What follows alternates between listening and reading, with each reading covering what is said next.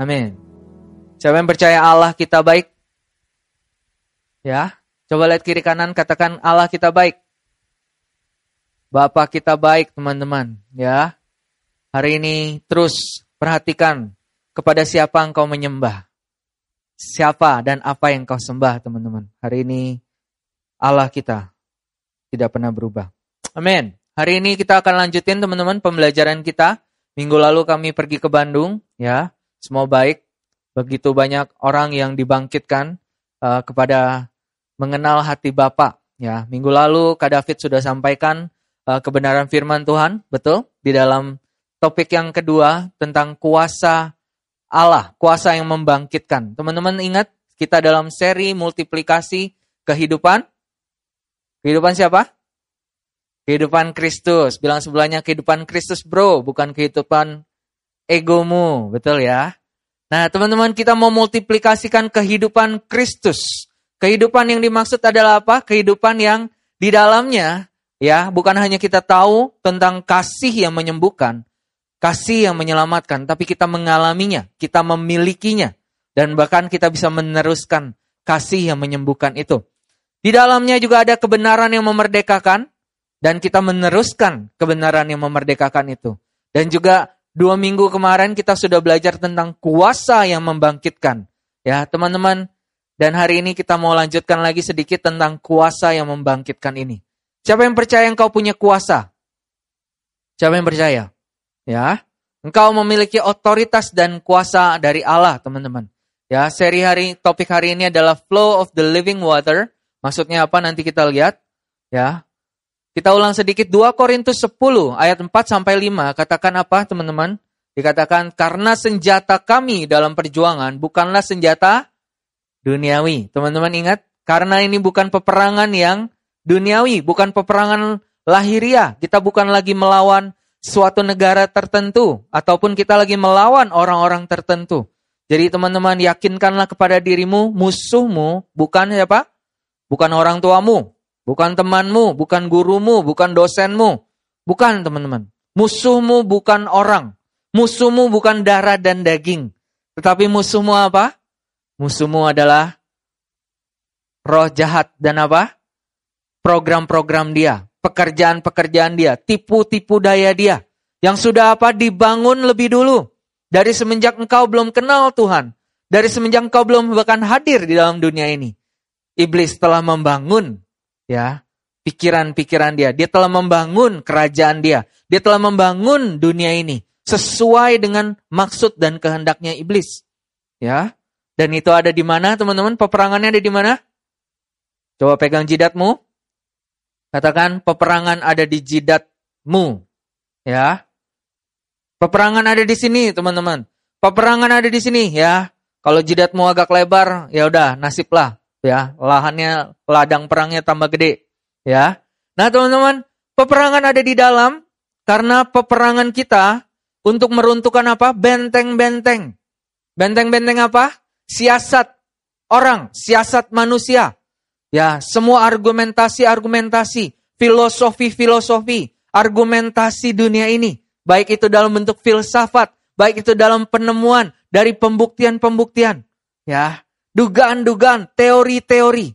Saya bingung sekali banyak orang begitu pede dengan sebuah teori, padahal itu hanya sebuah teori, betul ya? Teori apa? Cek aja sendiri teman-teman. Begitu banyak teori yang masih bersifat teori, tapi hari ini dihidupi seakan-akan itu adalah kebenaran. Dan sedangkan teori itu bertentangan dengan firman Tuhan, tetapi orang dunia berkata apa? Alkitab itu kuno, yang baru adalah teori ini. Teman-teman, itu adalah peperangan. Amin. Apalagi merubuhkan setiap kubu yang dibangun oleh keangkuhan manusia. Keangkuhan manusia, kesombongan manusia. Bahwa Manusia berkata apa? Semakin manusia maju, tidak ada ruang untuk Tuhan. Teman-teman lihat hari ini. Ya, negara paling maju. Justru apa? Kacau. Kelihatannya baik, kelihatannya semua uh, advance, tapi teman-teman tetap kejahatan ada di dalam negara itu. Kenapa? Karena masalahnya bukan di lahiriah. Amin. Tetapi di mana? Di dalam pikiran kita. Di dalam rohani kita. Amin. Dan merubuhkan apa? Ya, keangkuhan manusia untuk menentang pengenalan akan Allah. Kami menawan segala pikiran. Pikiran apa? Pikiran jahat, pikiran sia-sia, pikiran yang sumbernya dari ego. Kami menaklukkannya semua kepada pikiran Kristus. Pikiran Kristus apa teman-teman? Dia rela. Rela melakukan kehendak Bapa, rela melakukan kehendak Allah. Amin. Ya, dari kesimpulan ayat ini teman-teman kita udah belajar dua minggu kemarin. Sebagai diakonos Allah saya mempunyai otoritas untuk apa? Melepaskan orang-orang. Katakan melepaskan orang-orang. Ya, melepaskan orang-orang yang tawanan dari setiap belenggu dan penjara yang mengikat dan membatasi hidup mereka. Ya, I have the authority to unlock the chain. Tapi teman-teman, kita udah praktekkan. Tentu pertama, tawanan yang butuh dilepaskan itu adalah siapa? Saya, betul ya? Nah, jangan sampai teman-teman kita seru-seru, kita mau membebaskan tawanan. Padahal kita masih juga ada di dalam tawanan yang sama, ya. Nah, teman-teman, makanya kita mau mempraktekannya, kita mau menggunakannya, kita mau apa? Mengakses otoritas dan kuasa ini. Sehingga kita bisa lepas dari belenggu. Teman-teman hari-hari ini belenggu apa yang membelenggu hidupmu? Belenggu ketidakmampuan. Belenggu apa? Kelemahan. Engkau merasa sulit bangun, sulit tidur. Ya, tidur sulit, bangun sulit, betul ya? Mengingat sulit. Apalagi teman-teman? Ya, tenang sulit. Damai sulit. Sabar sulit. Apalagi? Tegas sulit, ngomong sulit. Nah, itu namanya dibelenggu, teman-teman. Nah, hari ini Pakai otoritas dan kuasamu. Pakai. Nggak tiba-tiba, teman-teman. Engkau terlahir seperti itu. Amin. Ya. Nah hari ini kita mau lanjutkan. Bukan hanya soal belenggu, teman-teman. Kalau itu adalah masalah. Belenggu itu kan masalah, betul ya. Tetapi hari ini kita mau maju. Di topik yang ketiga tentang kuasa ini, teman-teman. Dikatakan Yohanes 7 ayat 38, barang siapa percaya kepadaku. Aku di sini siapa? Yesus, betul ya. Siapa yang percaya Yesus di sini? Siapa yang percaya? Semua percaya? Ya, dikatakan gini, barang siapa percaya kepada Yesus, berarti teman-teman, ya, seperti yang dikatakan oleh kitab suci dari dalam hatinya akan mengalir apa? Aliran-aliran air. Aliran-aliran air hidup, teman-teman. Nah, coba lihat, dari hatimu banyak mengalir aliran air hidup enggak? Apakah banyak kehidupan yang mengalir?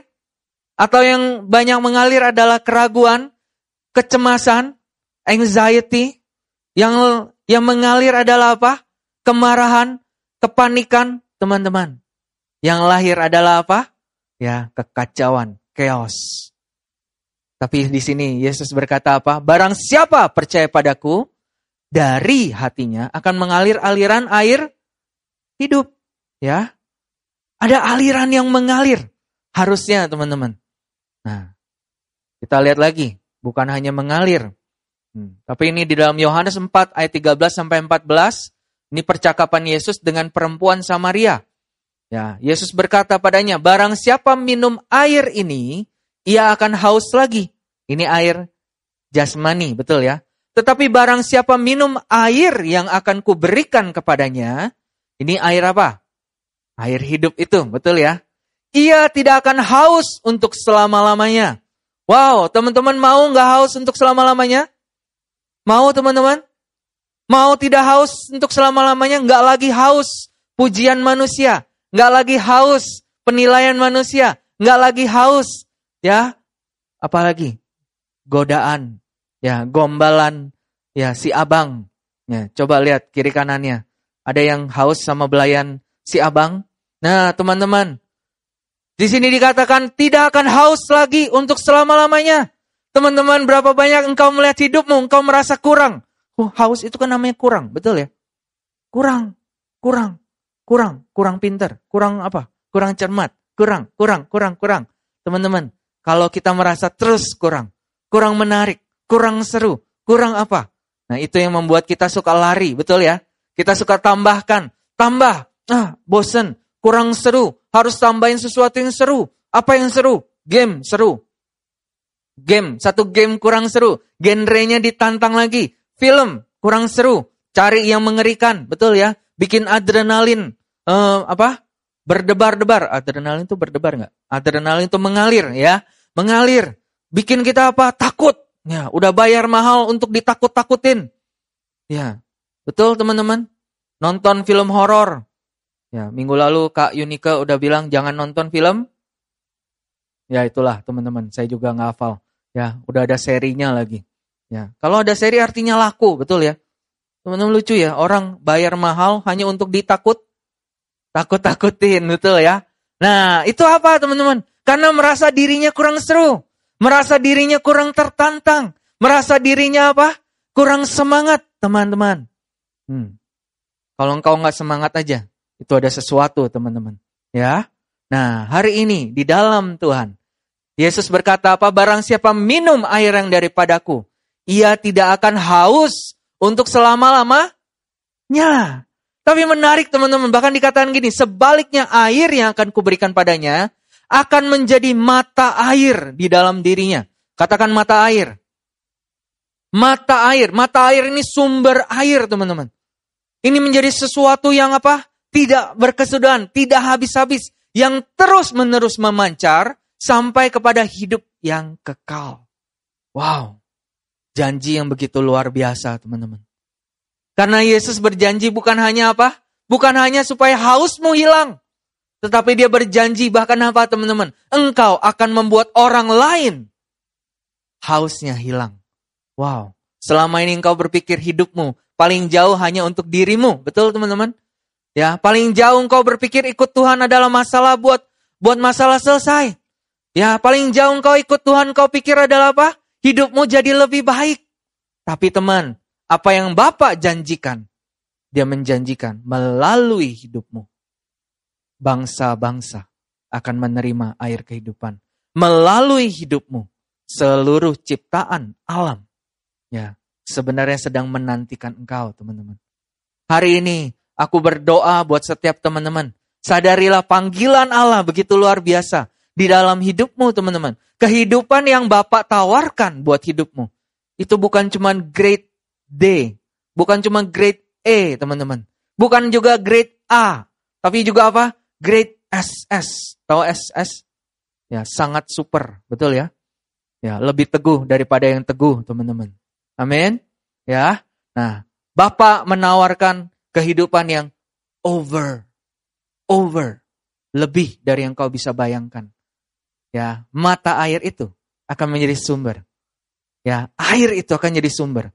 Teman-teman, apa gunanya kalau engkau punya sumber air? Teman-teman kau bayangkan kalau engkau di padang gurun, engkau bawa cuma apa? Satu, satu botol air mineral. Ya, nggak ada air mineral nih.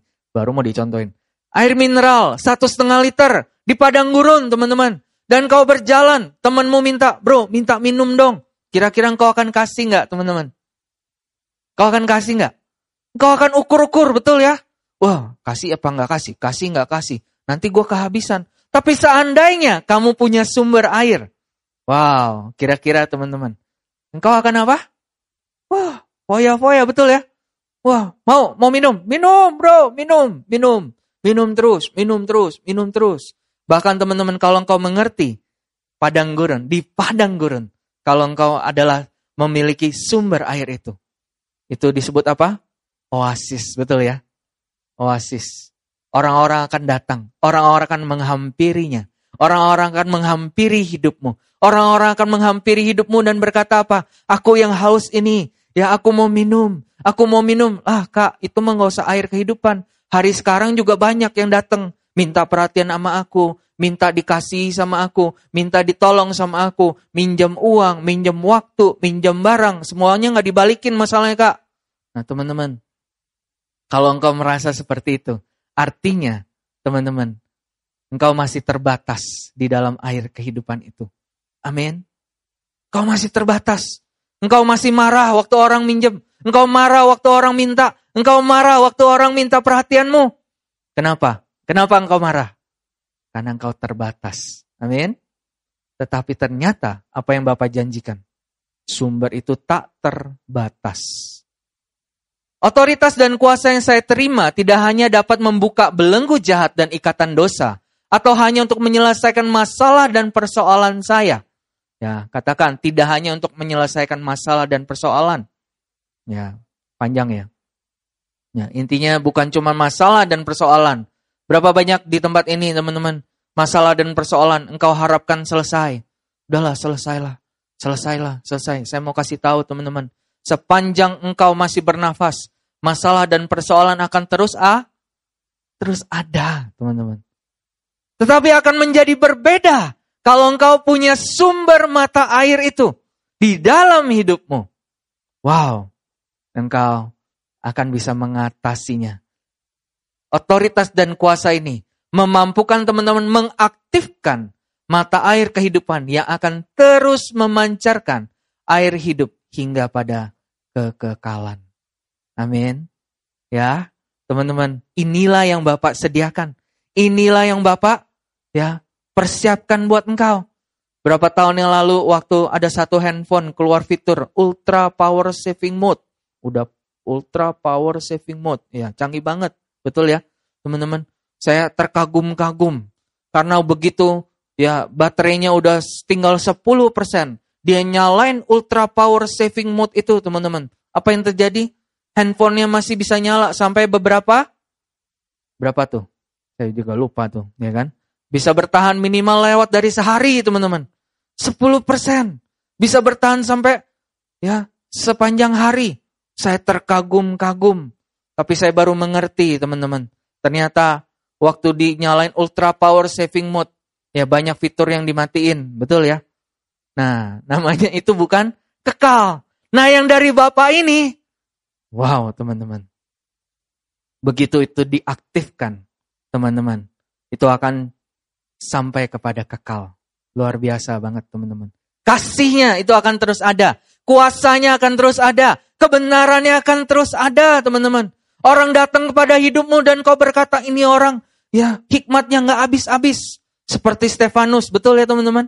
Ya, Waktu dia memberi argumen, ya nggak ada yang bisa mengalahkan hikmatnya dia. Kenapa? Karena hikmatnya adalah dari Allah, teman-teman.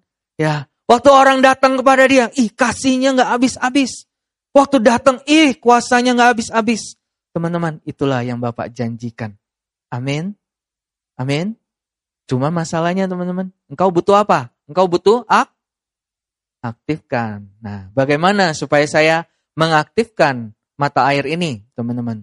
Ya, kayaknya sumber ini begitu dahsyat, begitu keren, begitu luar biasa, tapi kok hidupku begitu terbatas.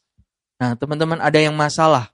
Nah, kita mau lihat bagaimana saya hidup supaya aliran air kehidupan itu bisa mengalir.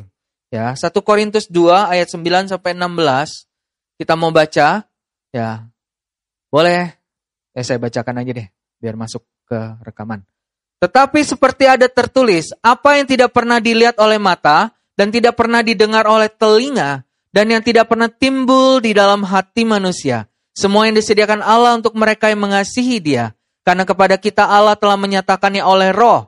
Sebab roh menyelidiki segala sesuatu bahkan hal-hal yang tersembunyi dalam diri Allah. Siapa gerangan di antara manusia yang tahu apa yang terdapat di dalam diri manusia selain roh manusia sendiri yang ada di dalam dia. Demikian pula lah tidak ada orang yang tahu apa yang terdapat di dalam diri Allah selain roh Allah. Kita tidak menerima roh dunia, tetapi roh yang kita. Dan karena kami menafsirkan hal-hal rohani kepada mereka yang mempunyai roh, kami berkata-kata tentang karunia-karunia Allah dengan perkataan yang bukan diajarkan kepada kami oleh hikmat manusia, tetapi oleh roh. Tetapi manusia duniawi tidak menerima apa yang berasal dari roh Allah, karena hal itu baginya adalah suatu kebodohan dan ia tidak dapat memahaminya. Sebab hal itu hanya dapat dinilai secara rohani. Tetapi manusia rohani menilai segala sesuatu, tetapi ia sendiri tidak dinilai oleh orang lain. Sebab siapakah yang mengetahui pikiran Tuhan sehingga ia dapat menasihati dia? Tetapi kami memiliki pikiran Kristus. Teman-teman, hari ini kita mau mengaktifkan sumber air hidup itu. Ya, bagaimana caranya? Kita baca di dalam 1 Korintus 2, kita mulai melihat ada roh dan ada duniawi. Betul ya? Ada roh dan ada lahiriah. Nah, masalahnya di sini teman-teman. Banyak anak Tuhan, frekuensinya nggak sama sama Tuhan. Ya, Tuhan ngomong di dalam roh. Tuhan ngomong secara roh. Konteksnya itu adalah rohani. Betul ya? Sumbernya adalah roh. Tetapi manusia, konteksnya adalah lahi, lahiriah, daging teman-teman. Namanya itu nggak nyam, nggak nyambung teman-teman. Berapa tahun yang lalu ada kisah lucu dari dari tanah misi teman-teman. Ada ada pekerjaan misi di sebuah daerah di Kalimantan. Ya, ada utusan misi yang udah sempat pergi ke sana.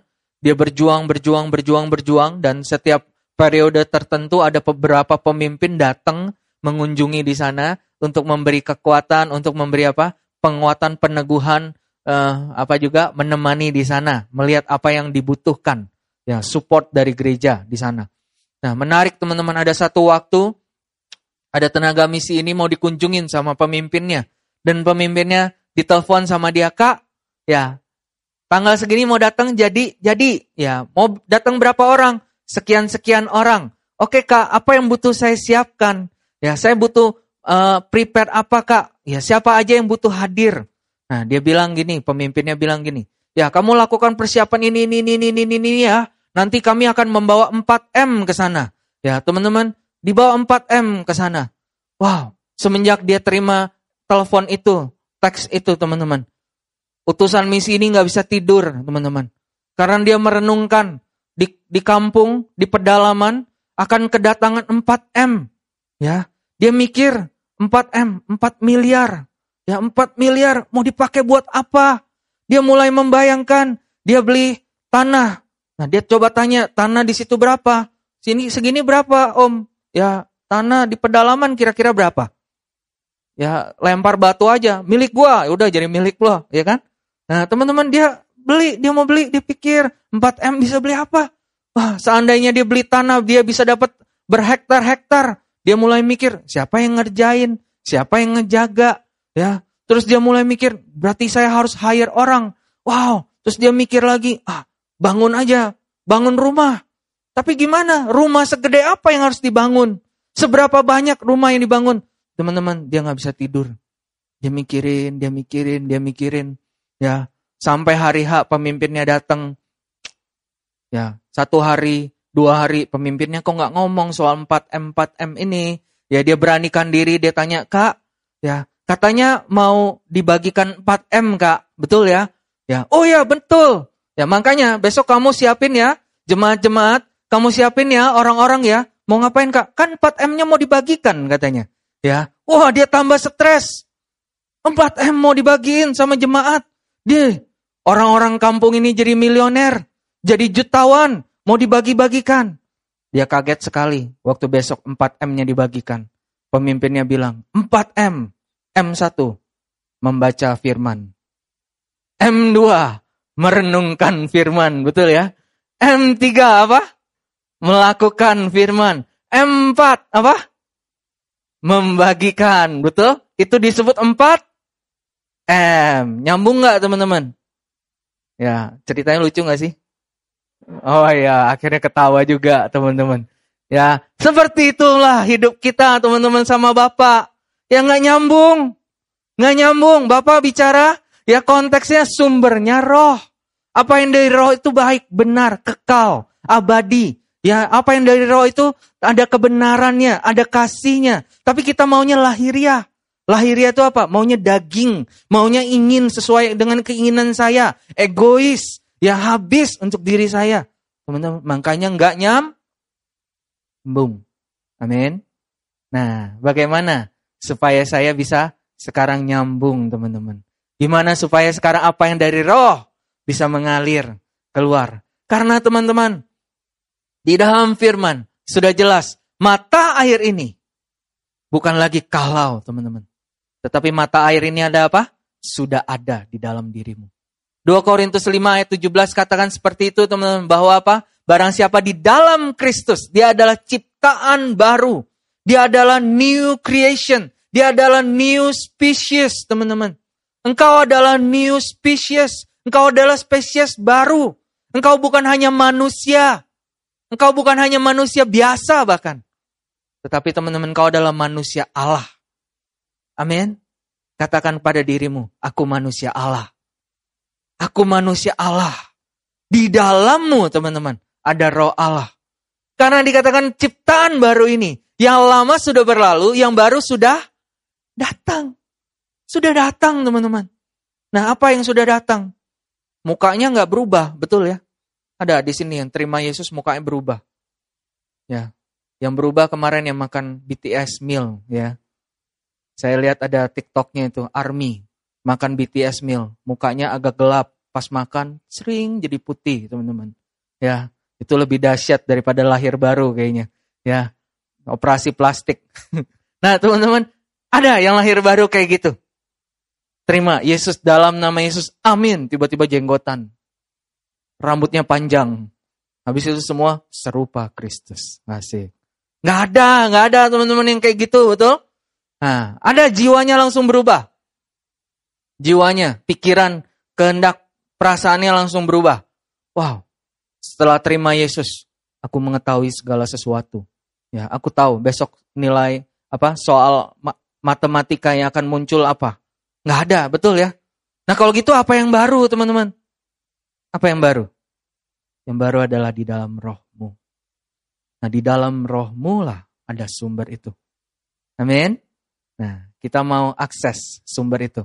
Yang pertama, bagaimana saya hidup supaya apa? Supaya air hidup itu bisa mengalir melalui hidup saya sampai kepada bangsa-bangsa. Ya, yang pertama teman-teman, saya perlu membuang setiap hambatan di dalam hidup saya. Apa itu hambatan? Itu adalah hidup yang lahiriah, teman-teman. Ya, setiap hambatan yang ada. Amin. Ya. Di dalam ayatnya dikatakan gini, teman-teman, 1 Korintus 2 ayat 9 sampai 10. Tetapi seperti ada tertulis apa yang tidak pernah dilihat mata, tidak pernah didengar telinga, tidak pernah timbul dalam hati manusia semua disediakan Allah untuk mereka yang mengasihi dia. Sekarang kita baca ayat ini mulai mengerti ya teman-teman. Baca ayat ini mulai nggak ngaco tafsirkannya. Ya, wow. Apa yang nggak pernah dilihat mata. Apa yang nggak pernah didengar telinga. Apa yang nggak pernah timbul dalam hati manusia. Dan teman-teman, engkau berpikir lahir ya. Dan kau mulai berpikir, wow, gadget yang nggak pernah dilihat mata. Ya, gadget yang nggak pernah didengar telinga Gadget yang nggak pernah timbul di dalam hati manusia. Wow, gadget yang luar biasa. Itu namanya nggak nyam, nggak nyambung teman-teman ya.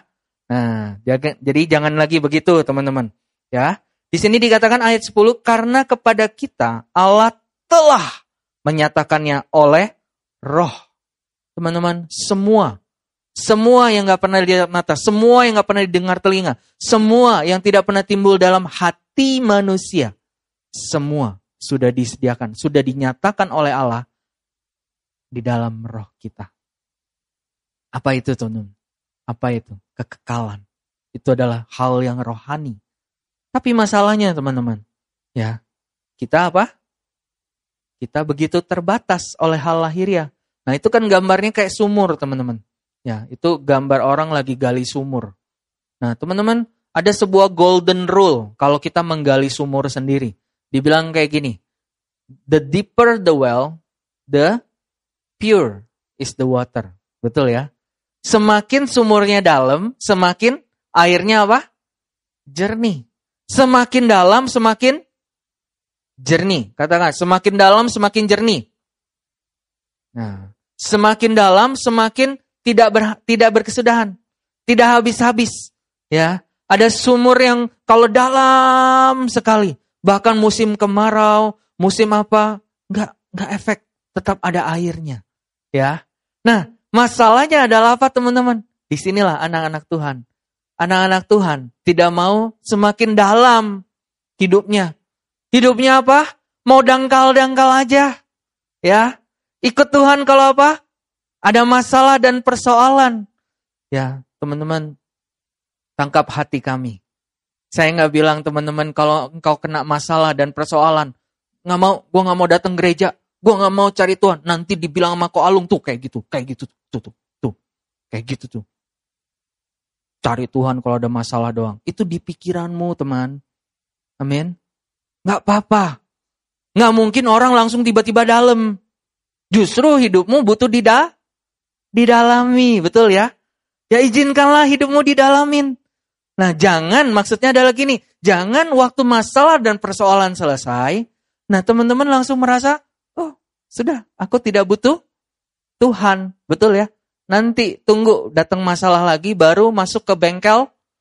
Nah, masuk ke bengkel. Bengkel apa? Bengkel hati, bengkel hidup ya. Cocoklah itu, bengkel. Nah, Tuhan tuh bukan bengkel, sayang. Ya. Tuhan tuh apa? Dia Bapak yang mengasihimu. Hmm. Masalahnya adalah gini, kalau engkau hanya dalam pers menghadapi persoalan masalah, engkau baru cari Tuhan. Teman-teman coba lihat sumur ini. Kalau engkau gali, gali, gali, gali, gali, oh dapat air, keluar air, bagus nggak airnya? Ya, kalau belum terlalu dalam, walaupun keluar air, air air air ini kotor teman-teman. Air ini apa? Berwarna. Coba engkau hidup menggunakan air itu. Kira-kira gimana? Mungkin kau nggak haus lagi, betul ya? Tapi apa teman-teman? Engkau mungkin kena campuran-campuran. Hmm. Ada teman saya, dia pakai air tanah dan airnya kurang bagus. Tahu apa yang terjadi? Yang paling nyata bajunya butek terus. Ya, dia sampai cari cara supaya ya nggak butek teman-teman. Nah, coba hidupmu pakai air yang dangkal itu. Mau teman-teman? Mau kayak gitu? Hmm, jangan mau teman-teman. Nah masalahnya banyak orang nggak mau. Banyak orang apa maunya dangkal-dangkal aja dalam Tuhan. Udah kok, masalah selesai, nggak usah komsel, ya. Nggak apa-apa kak, Kakak kan sibuk, urusin aja orang yang lagi masalah lain. Aku mah aman, tenang, chill. Betul ya? Nah teman-teman, sering gak kayak gitu? Gimana kabarmu? Aman kak, tenang, terkendali.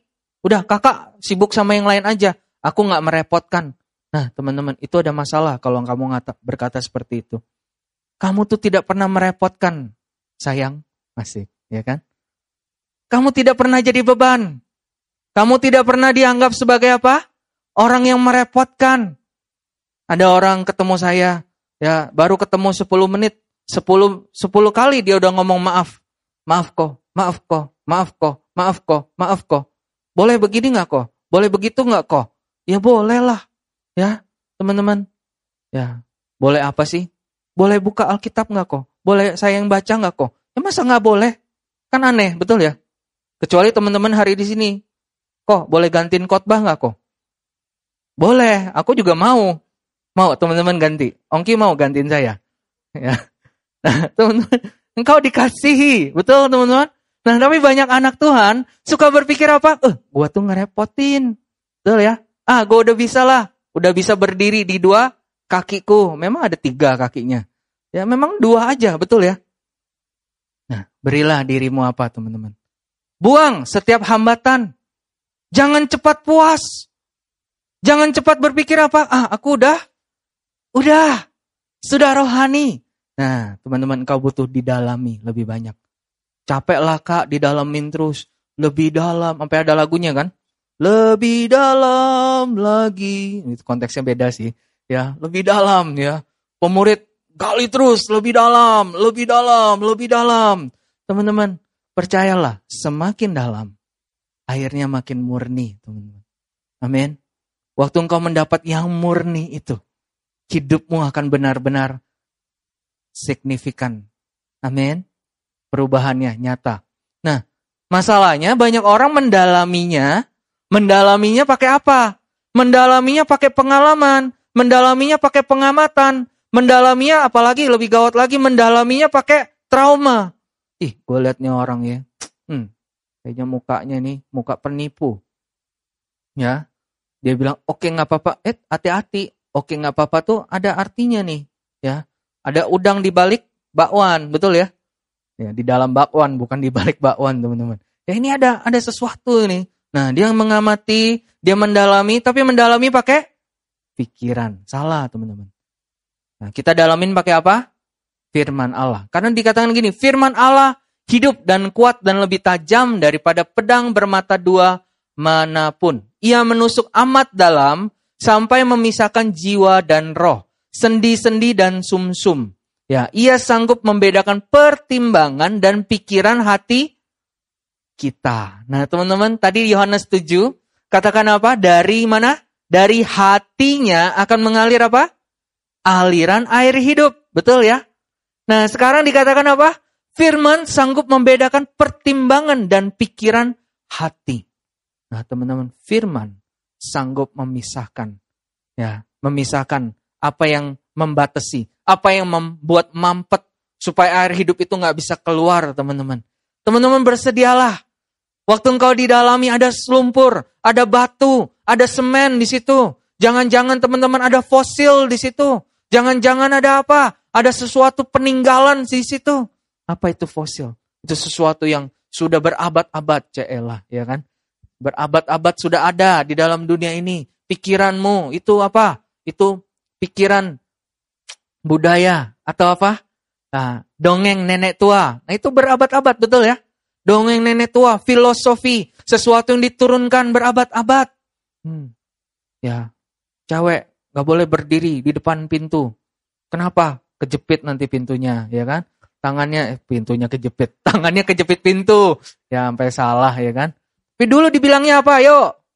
Ya, nggak boleh duduk depan pintu apa? Nanti apa? Nanti apa? Nanti berat jodoh katanya, ya. Berat jodoh. Ya, padahal saya juga nggak ngerti sih itu alasannya kenapa, teman-teman. Ya. Jangan makan di bawah tangga. Kenapa? Ya, itu fosil-fosil. Ya, coba dalamin lah, teman-teman. Ya, banyak nggak dongeng nenek tua di pikiranmu, teman-teman? Banyak nggak? Banyak? Ya, dalamin nanti di komsel ya. Nah, tapi bersedialah. Bersedialah didalamin, bersedialah membuang hambatan-hambatan itu. Pertama dalam dirimu, teman-teman. Ya, pertama di dalam dirimu. Baru sekarang kita mulai maju. Nah, bagaimana supaya air kehidupan itu bisa mengalir keluar? Yang pertama tadi saya udah menggali. Ya, semen, tanah, lumpur, semua dibuang. Supaya semua yang menghalangi air kehidupan yang rohani ini bisa mengalir. Ya, sekarang ya saya butuh apa? Tidak mencampurkan hal rohani dengan hal lahiriah. Maksudnya gimana nih? Ya, saya ambil dari 1 Korintus 2 13 sampai 14 pakai terjemahan Alkitab yang terbuka. Ya, ini supaya lebih mudah pemahamannya, teman-teman. Dibilang kayak gini, hal-hal yang juga kamu kami ucapkan bukan dalam kata-kata yang diajarkan oleh hikmat manusia, melainkan yang diajarkan oleh roh dengan membandingkan hal-hal yang rohani dengan yang Rohani, menarik ya, rohani dengan rohani. Namun manusia yang tidak rohani, wow. Kalau di terjemahan apa? Apa tuh? Terjemahan baru dibilang kayak gini. Namun manusia duniawi. Nah, waktu kita dengar manusia duniawi, kita pikir itu orang non percaya.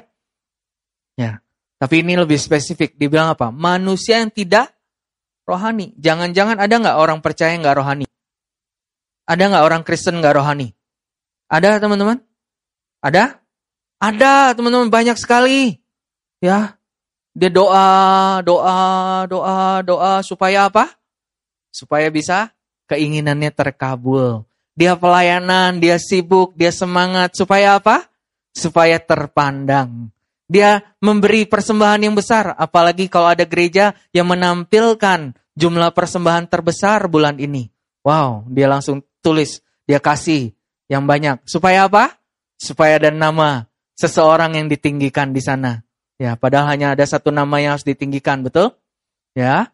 Nah, dia campur campurkan hal rohani dengan hal-hal lahiriah, teman-teman. Ya. Karena hal-hal itu merupakan kebodohan baginya. Ia tidak dapat memahaminya karena hal-hal itu hanya dapat dinilai secara rohani. Nah, teman-teman, Bagaimana saya meneruskan air kehidupan ini? Bagaimana saya meneruskan apa yang rohani ini, teman-teman? Ya, bagaimana saya meneruskannya? Nah, waktu saya mau meneruskan, teman-teman, satu sisi di saya, penghalangnya mungkin udah mulai hilang, betul ya? Tapi teman-teman, waktu saya mau meneruskan, jangan-jangan waktu meneruskan, kita meneruskannya masih campuran. Kita melihat orang, kita menilai dia, kan bahasanya di sini apa? Manusia rohani itu apa? Apa? Membandingkan, ya kan? Membandingkan. Di situ ada comparing, compound, mengukur, betul ya? Dia mengukur-ngukur. Nah, teman-teman, berapa banyak dari kita suka mengukur-ngukur? Mengukur, mentes, menghakimi, menilai. Semua orang pasti menilai, teman-teman. Pasti. Nggak ada zona bebas penilaian. Betul ya? Hanya masalahnya, banyak orang menilai secara lahiriah. Betul ya? Nah manusia rohani, dia menilai secara rohani. Lahiriah dan rohani ini maksudnya apa sih? Sumbernya sayang. Sumbernya adalah secara roh. Nah sedangkan lahiriah, kita menghakimi orang, menilai orang berdasarkan lahirnya. Apa yang kelihatan, apa yang ditampilkan, apa yang nampak, apa yang apa? Berdasarkan yang kelihatan. Nah teman-teman, ini yang kita butuh ubah. Kita butuh ubah cara pandang kita teman-teman. Waktu kita menilai manusia rohani ini tidak sedang menghakimi. ya. Tapi apa teman-teman? Manusia rohani ini dia akan menilai lebih dalam. Kenapa ini orang seperti ini? Ya, Kenapa nih orang sombong? Kenapa nih orang kalau makan kayak rebutan? Kayak belum makan 10 hari. Ya, teman-teman ada yang kayak gitu? Makan yuk makan, wih boleh ya, fellowship komsel. Ya duduk, makan tengah. Gimana nih makannya? Ya berempat-berempat deh, langsung dia pilih apa? Dia lihat dulu teman makannya siapa, betul ya? Lihat dulu teman makannya, ah gua sama dia aja, kenapa? Kalau sama yang itu, ya seret lah. Ya ikan dateng, ya gue cuma dapatnya apa? Siripnya aja, betul ya?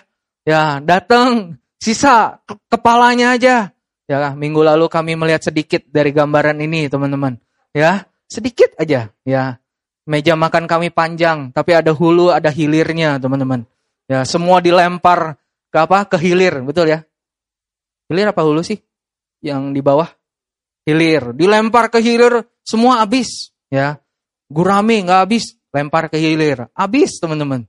Ya, Apalagi terong, balado, lempar, habis ya. Apalagi kangkung, habis, genjer, habis, nasi, habis. Untung piringnya nggak habis teman-teman. Ya. Nah, teman-teman, cara makanmu aja kita bisa nilai. Manusia rohani. Tahun-tahun kami melayani teman-teman sepanjang lima, lima tahun ini. Kami menolong begitu banyak orang. Orang apa? Orang yang nggak tahu dirinya sombong. Tahu teman-teman. Dia berlaku, berlagak kayak orang apa? Kayak bos sana sini. Tapi dia nggak pernah tahu dirinya sombong. Dia pikir dia minder. Teman-teman, berapa banyak dari engkau? Engkau lihat orang, engkau nilai, engkau nilai, engkau nilai, langsung engkau cap-cap. Hmm, tahu cap. Tahu ya, di label. Ah, dia itu memang orang sombong. Ini orang minder. Ini mah orang cupu. Ini mah orang introvert. Ini mah orang loner. Betul ya? Ini mah orang apa? Tertolak. Ya, ini mah orang yang apa? Cuek. Ini mah orang yang cool. Ini mah orang yang nggak peduli. Teman-teman, manusia rohani. Ya, dia melihat melampaui apa yang di permukaan. Dan dia melihat seperti Bapak melihat. Bapak melihat engkau sebagai anaknya yang dikasihi teman-teman. Kalau hari ini engkau tampilkan dirimu seperti orang yang nggak peduli, Seorang seperti orang yang cuek, seperti orang yang nggak mengerti, seperti orang yang apa? Wow, dengar firman nguap. Dengar firman apa? Wow, saya pernah ketemu orang kayak gitu teman-teman. Saya berjumpa sama dia, saya dengar cerita dia satu setengah jam. Saya menjaga mata saya berbinar-binar dengerin dia teman-teman. Tapi begitu saya keluar satu kalimat tentang firman, tahu apa yang terjadi? Dia nguap. Nguapnya tak tertahankan lagi. Oh. Saingan sama singa. Wah. Ya, itu belum masa pandemi. Kalau ada masa pandemi ada masker nutupin, betul ya? Ya, teman-teman, hari ini engkau mungkin tampilnya kayak gitu. Tampilnya kayak orang gak nyambung tadi. Eh, ini ngomongin firman gak nyambung. Tapi tahu nggak teman-teman? Bapak menilai engkau melampaui semua itu. Bapak menilai engkau lebih dari semua itu. Bahkan Bapak bukan hanya menilai engkau dan berhenti kepada penilaian itu. Dia menolong engkau. Dia melihat kenapa engkau sombong. Kenapa engkau tampilnya seperti itu. Itu semua akibat kejatuhan teman-teman. Itu bukan karena ciptaan Allah. Bapak tidak pernah menciptakan kamu jadi pribadi yang seperti itu teman-teman. Ada orang yang pikir, ya Karena begitu banyak sekarang tes ini, tes itu, tes ini, tes itu. Dia bilang apa? Kak, menurut tes yang ini, certified kayak gini, saya ini memang orangnya nggak suka bergaul. Teman-teman tahukah? Bapak menciptakan engkau menurut gambar dan rupa dia. Masakan Allah kita nggak suka bergaul? Masakah Allah kita sukanya menyendiri di pohon? Ya, di pohon memang apa itu? Suka menyendiri di mana gitu. Teman-teman lihat, engkau coba perhatikan, lagi kumpul, fellowship, pasti suka ada yang duduknya di pojok. Betul ya? Main game sendiri. Ya, seru, seru banget. Main aja terus. Ya. Nah, manusia lahir ya akan menilai apa? Nggak peduli dia. Dia nggak mau. Eh, teman-teman, Bapak tuh menilai hatimu. The fact kamu ikut aja, itu udah menunjukkan bahwa engkau rindu. Betul, teman-teman? Engkau rindu. Engkau rindu. Engkau rindu dalam kebersamaan. Engkau rindu ditolong. Jadi teman-teman, izinkan engkau semakin didalamin. Betul ya? Ya, manusia rohani menilai lebih dalam. Dia nggak mencampurkan. Saya lihat orang main game. Orang seperti nggak peduli. Nah, masalahnya memang orang menilai saya juga lahiriah, teman-teman. Ada orang lihat, saya lihat dia main game, saya baru baru samperin. Tahu apa yang terjadi, teman-teman? Langsung dimatiin, buka Alkitab. Nah ini masalahnya. Orang nilai saya juga lahiriah. Betul ya? Nah itu. Eh kolong datang, kolong datang. Ya. Kolong datang. Langsung ganti. Wih langsung holy banget. Ya. Genjreng-genjreng. Nyanyi lagu apa? Lagunya lagu yang ya bukan rohani lah. Begitu. Halo guys. Wih langsung ganti kuncinya. Dreng ya. Wah, ya rohani kak, rohani ya. Loh, teman-teman, aneh teman-teman. Memang saya sadar saya juga dinilai secara lahiriah. Tapi saya, ya teman-teman, manusia rohani, ya, tidak mencampurkan hal itu. Teman-teman, bagaimana caranya? Ini bukan trik teman-teman. Ini bukan sesuatu yang bisa apa dipelajari di kelas-kelas. Nggak bisa. Ini adalah sesuatu yang butuh teman-teman alami sendiri. Makanya poin pertama, itu nggak boleh teman-teman abaikan. Engkau butuh izinkan dirimu didalami oleh firman itu. Engkau butuh izinkan dirimu dibuang, dibuang hambatan-hambatannya. Baru teman-teman, engkau bisa menilai.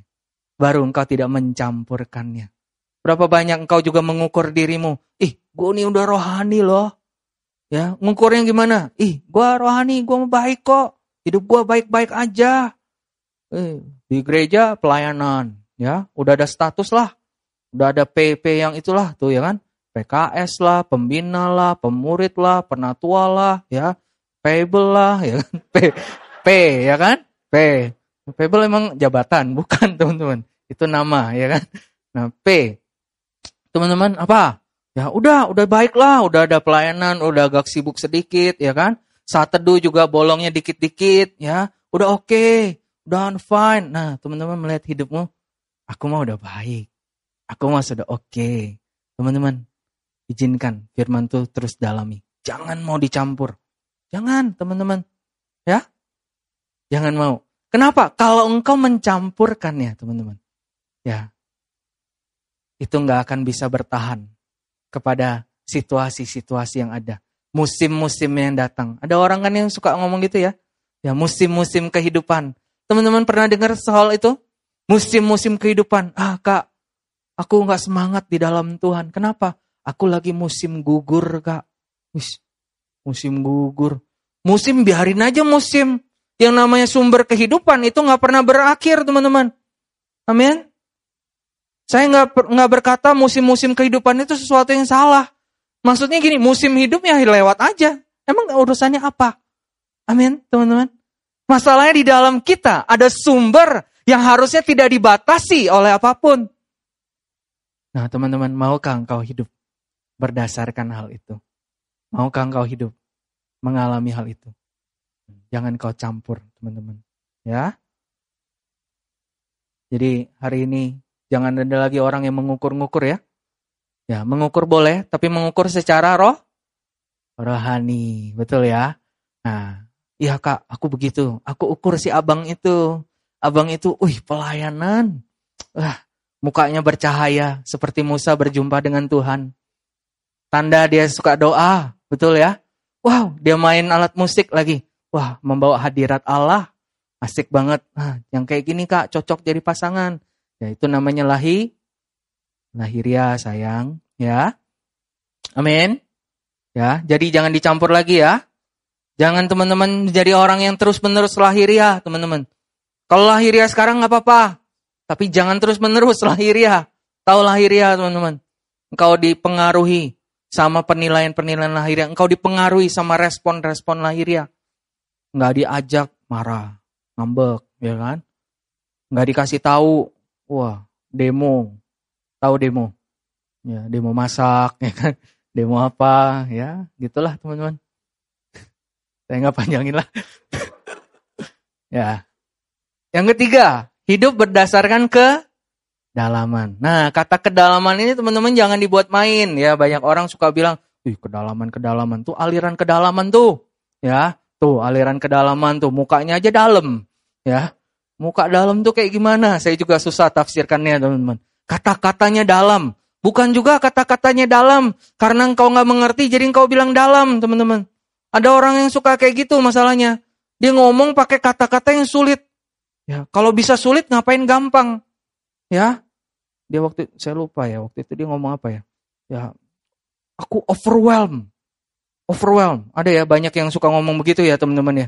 Overwhelm. Overwhelm tuh apa sih? Ya, bilang aja capek. Betul ya? Kan itu yang dimaksudkan, betul gak sih? Ini overwhelm. Overwhelm. Wah, kayaknya dramatisasi tingkat tinggi, ya kan? Nah, teman-teman, kedalaman bukan bicara tentang apa yang di luar. Kedalaman bicara hal-hal rohani, teman-teman. Kedalaman bicara sumbernya adalah rohani. Makanya ini bukan sesuatu yang bisa dipelajari di kelas. Bukan sesuatu yang bisa dipelajari cuma di pengetahuan. Teman-teman, you need to go deep with God. You need to go apa? Izinin firman Allah tuh menerobos hidupmu. Sampai kepada kedalamanmu. Sampai ada kehidupanmu. Sampai apa teman-teman? Tidak ada yang beda. Di dalam hidupmu. Di panggung ataupun di bawah panggung. Itulah engkau hidup berdasarkan kedalaman, ya. Tanda-tandanya akan seperti itu. Kenapa, teman-teman? Ya. Ini saya kasih gambaran. Manusia rohani menilai segala sesuatu, tetapi ia sendiri tidak dinilai oleh orang lain. Ya, siapakah yang mengetahui pikiran Tuhan sehingga ia dapat menasehati dia? Tetapi kami memiliki pikiran Kristus. Wow, teman-teman. Ini statement Paulus yang begitu luar biasa. Dia udah panjang kasih ayat dia bilang, siapa yang ngerti Allah selain roh Allah? Siapa yang tahu rahasia Allah selain roh Allah? Siapa yang tahu apa yang tersembunyi dalam Allah kecuali Allah? Siapa? Nggak ada, nggak ada manusia yang bisa ngerti. Tetapi di bawahnya, tiba-tiba dia bilang apa? Tetapi kami memiliki pikiran Kristus. Secara nggak langsung, artinya dia bilang apa? Kami mengerti apa yang ada di dalam hati Allah. Kami mengerti apa yang di dalam rahasia Allah. Wow. Teman-teman, kalau Paulus bisa berkata ini, artinya apa teman-teman? Engkau dan saya, kita juga bisa. Amin. Karena itu saya butuh hidup berdasarkan apa yang dari roh ini, apa yang dalam ini. Nah, dalam ini yang dimaksud apa? Mazmur 42 ayat 8 ya. Ayat di KJV itu 7, tapi 8 itu di bahasa Indonesianya, teman-teman. Kenapa pakai bahasa bahasa Inggris? Karena bahasa Indonesianya agak sulit ditafsirkan. Ya, karena ini memang pasal yang puitis, ya. Bahasa Indonesia Samudra Raya berpanggil-panggilan. Nah, bingung kan teman-teman? Maksudnya apa Indonesia Raya, ya kan? Kan agak bingung mau tafsirkannya, betul ya? Nah, bahasa Inggrisnya jadi deep. Ya, memang deep namanya, ya kan? Deep calls unto deep. Kedalaman memanggil ke dalaman. Amin, teman-teman. Nah, kedalaman ini bukan bicara tentang apa? Keren-kerenan. Bukan. Ini sebuah prinsip. Teman-teman, ombak yang di atas akan menggulung ombak yang di atas juga. Kalau teman-teman kau hidup berdasarkan ya hal lahiriah, engkau juga akan memanggil hal lahiriah. Pasang di sosmedmu hal yang lahiriah. Orang lahiriah yang akan meresponi. Betul?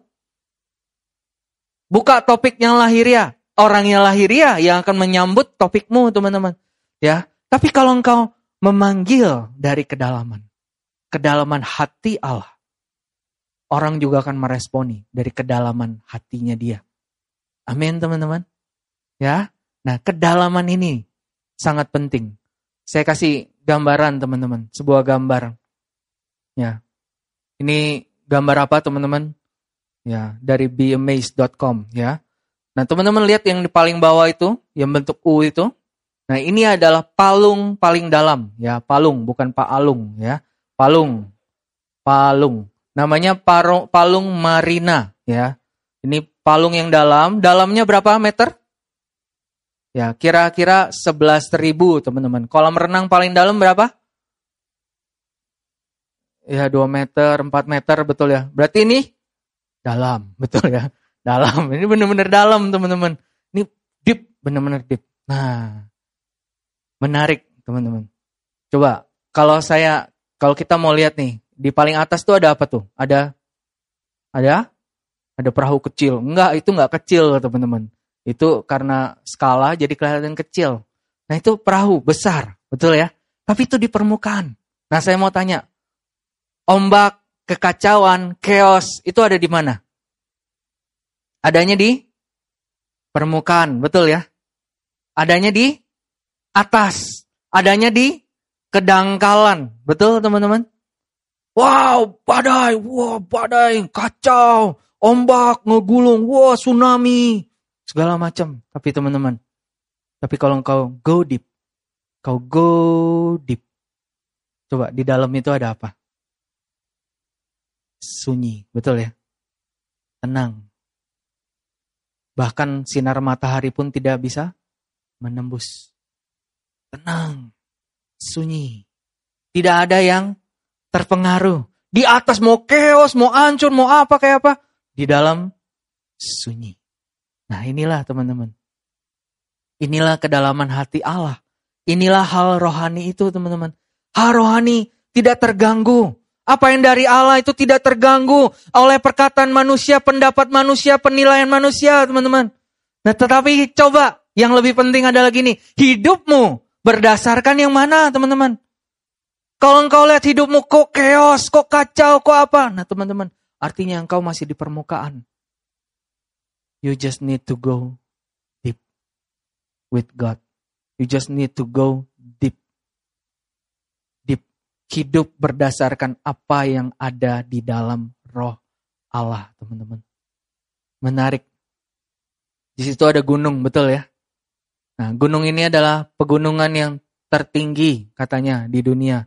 Mount Everest Mount Everest itu 8.848 meter.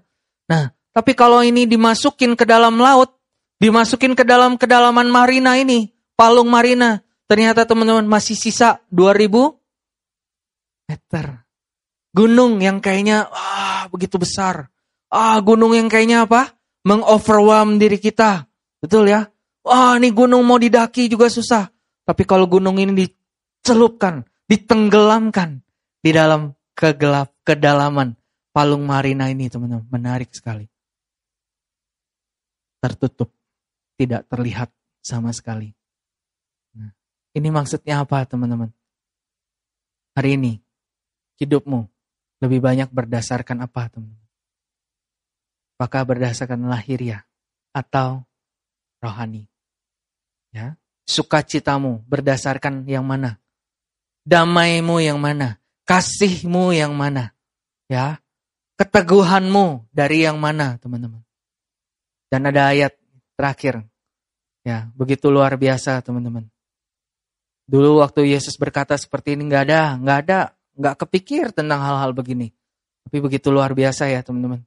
Yesus berkata gini, aku berkata padamu, sesungguhnya jika kamu percaya dan tidak bimbang, kamu bukan saja akan dapat berbuat apa yang kuperbuat dengan pohon ara itu, tetapi juga jikalau kamu berkata kepada gunung ini, beranjaklah dan tercampaklah ke dalam laut.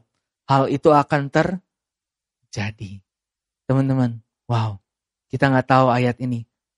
Dan kita belum tahu waktu itu, waktu Yesus berkata seperti orang-orang nggak tahu betapa dalamnya lautan, betapa dalamnya samudra. Tapi Yesus tahu. Dan dia hari ini berkata, buat setiap engkau teman-teman, Mungkin hari ini engkau merasa persoalan masalahmu sangat besar kayak gunung. Betul ya? Situasi keadaan itu seperti gunung. Pandemik ini kayak gunung.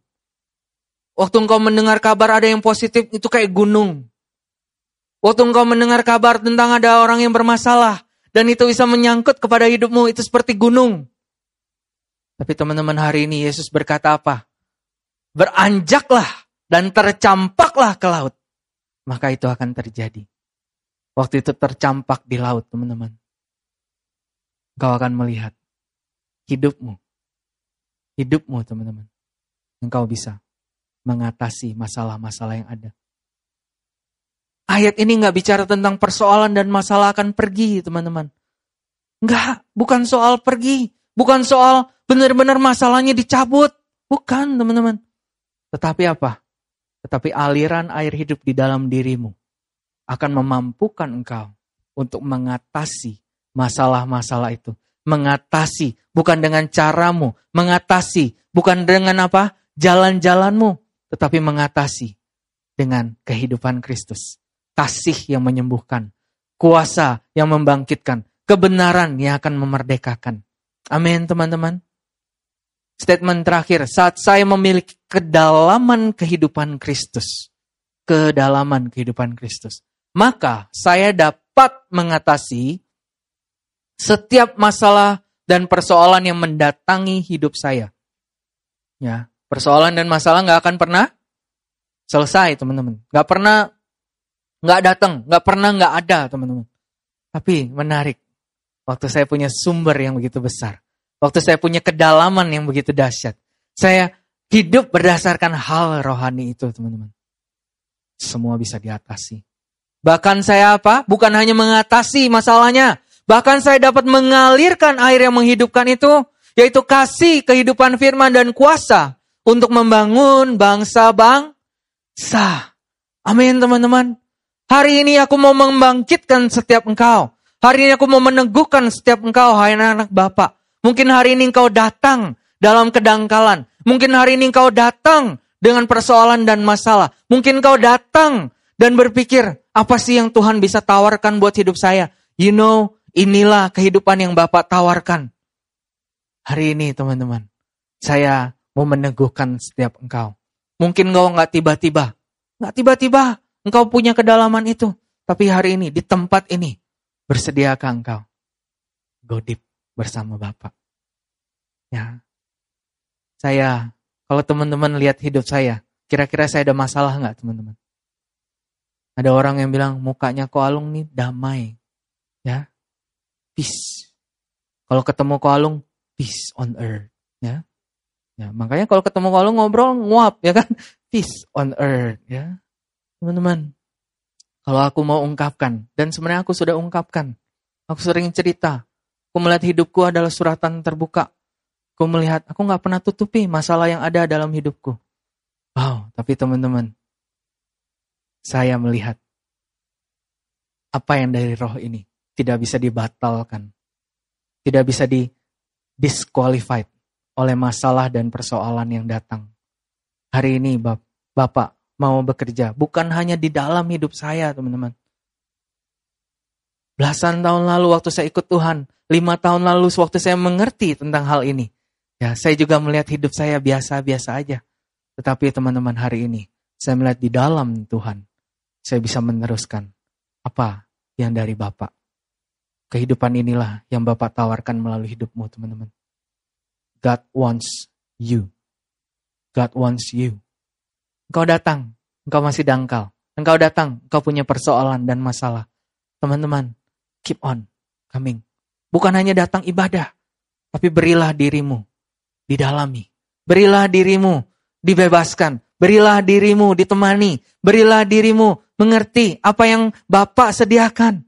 Sehingga apa teman-teman? Suatu hari seperti firman ini, engkau akan mengatasi gunung, gunung, gunung, gunung yang dunia nggak bisa selesaikan. Gunung, gunung, gunung, gunung yang orang tuamu tidak bisa selesaikan. Gunung, gunung, gunung yang generasi demi generasi tidak bisa selesaikan. Tapi melalui hidupmu, air hidup itu bisa selesaikan semua. Amin teman-teman. Hari ini bolehkah kita bangkit berdiri? Saya mau dengan cepat. Ya, sebelum kita menerima anggur dan roti di tangan kita, saya mau berdoa meneguhkan setiap engkau. Saya mau berdoa meneguhkan setiap engkau. Hai engkau, hari ini, engkau yang datang dengan persoalan, engkau datang dengan masalah, engkau datang dengan gunung-gunung itu. Kau merasa engkau punya gunung-gunung yang membuat engkau lumpuh di hadapan gunung itu engkau lumpuh. Di hadapan penyakit tertentu engkau lumpuh. Terhadap ancaman tertentu engkau lumpuh. Terhadap situasi tertentu engkau lumpuh. Terhadap perkataan orang engkau dijadikan lumpuh. Teman hari ini, kalau itu engkau, hari ini dan kau butuh didoakan, kau butuh diteguhkan. Bukan hanya untuk masalahmu selesai, tetapi engkau diteguhkan supaya engkau mengerti bahwa sumber jawabannya ada di dalam dirimu, yaitu di dalam rohmu. Izinkan hari ini kami mendoakan engkau, supaya engkau mulai belajar mengaktifkan apa yang ada di dalam itu. Engkau diteguhkan supaya engkau bisa mengambilnya dari dalam. Sehingga peperanganmu engkau bisa sasarkan kepada hal yang benar. Bukan lagi kepada hal lahiriah. Tetapi engkau sasarkan kepada pikiran yang datang dari iblis. Engkau membuangnya sehingga apa yang dari Bapak bisa mengalir keluar. Kalau itu engkau teman-teman, engkau butuh didoakan. Tak apa-apa. Kalau itu engkau, engkau yang punya masalah, engkau punya persoalan, engkau punya gunung-gunung itu. Dan kau butuh didoakan. Boleh kau taruh tangan di dada. Yang kedua, saya mau berdoa buat engkau. Engkau yang merasa, ah persoalanku selesai, hidupku baik-baik saja. Ya, tapi hari ini firman Tuhan mengkonfiksi hidupmu untuk engkau go deep. Teman-teman, jangan hanya puas dengan biasa-biasa, baik-baik aja di dalam Tuhan. Karena musim akan berganti. Tantangan demi tantangan akan datang. Waktu musim yang baik, waktu hari ini keadaanmu baik, you need to go deep with God. Supaya apa teman? Supaya air yang kau gunakan adalah air yang murni. Kalau itu engkau dan kau butuh diteguhkan, untuk kau mulai mengejar dan mengusahakan. Untuk engkau mau didalami, engkau mau ditemani. Kalau itu engkau teman-teman, taruh tanganmu juga di dada. Sebagai bentuk respon hatimu di dalam Tuhan.